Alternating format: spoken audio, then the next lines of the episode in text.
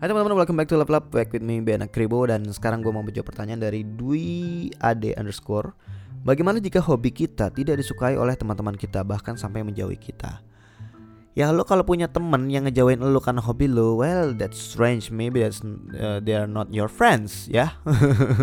Kalau punya temen yang ngejauhin lo karena hobi lo ya Antara dua sih Antara emang dia bukan temen lo yang setia gitu Atau kedua hobi lo mungkin terlalu aneh kali ya untuk mereka Karena menurut gue teman-teman sejati itu adalah teman-teman yang dia akan datang ke lu tanpa tanpa lu telepon juga dia akan datang ke lu dia akan silaturahmi ke lu gitu ya. Dan alhamdulillah gue punya beberapa beberapa teman yang seperti itu ya. Nggak banyak memang. Kalau makin tua biasanya temennya makin sedikit ya. Circle-nya itu itu aja.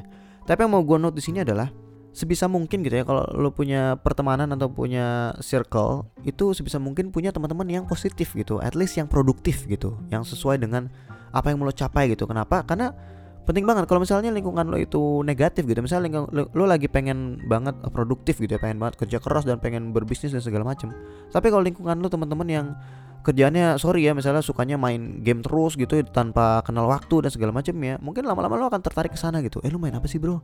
Gue cobain dong gitu. Eh lo cobain ini multiplayer bro. Ini lo main ter ntar malam kita mabar nih eh, dua jam tiga jam dan segala macam ya. Dan akhirnya waktu lo bisa kepake untuk itu terbuang gitu ya. Terbuang bukan berarti gue menyalahkan orang main game ya. Cuma main game tuh mestinya tahu waktu lah gitu. Kalau misalnya nggak tahu waktu kan jadinya terlalu melebihi batas gitu ya. So lingkungan itu penting banget. Dan bukan berarti lo harus menjauhi temen lo yang lingkungannya nggak bagus. Enggak nggak kayak gitu.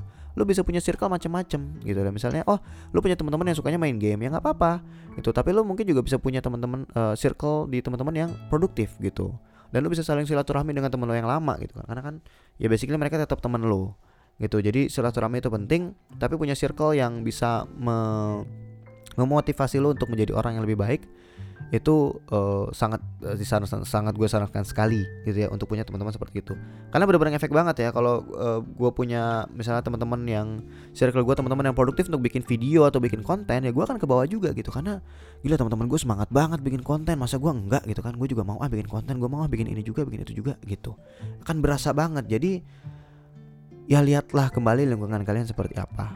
Nah ini lo nggak nyebut nih hobi lo apa jadi gue nggak tahu gitu ya. Dan kalau misalnya teman-teman lu ngejauhin karena hobi lu ya gue nggak tahu karena gue nggak tahu hobi lu apa dan detailnya seperti apa teman-teman lu gitu ya. Tapi dengan lu punya hobi baru ya mungkin lu bisa punya teman-teman baru yang sesuai dengan hobi lu gitu ya. Lu punya circle orang-orang yang suka dengan hobi yang sama gitu ya. Nah teman-teman yang lama ya mungkin lu nggak harus selalu ngomongin tentang hobi lu ini ke teman-teman lu yang lama gitu kan. Lu bisa berteman dengan teman-teman yang lama karena memang lo pengen berteman, lo pengen bersilaturahmi gitu. Bukan berarti lo harus selalu ngomongin tentang hobi lo ini ke teman-teman yang lama karena setiap orang punya interest yang berbeda.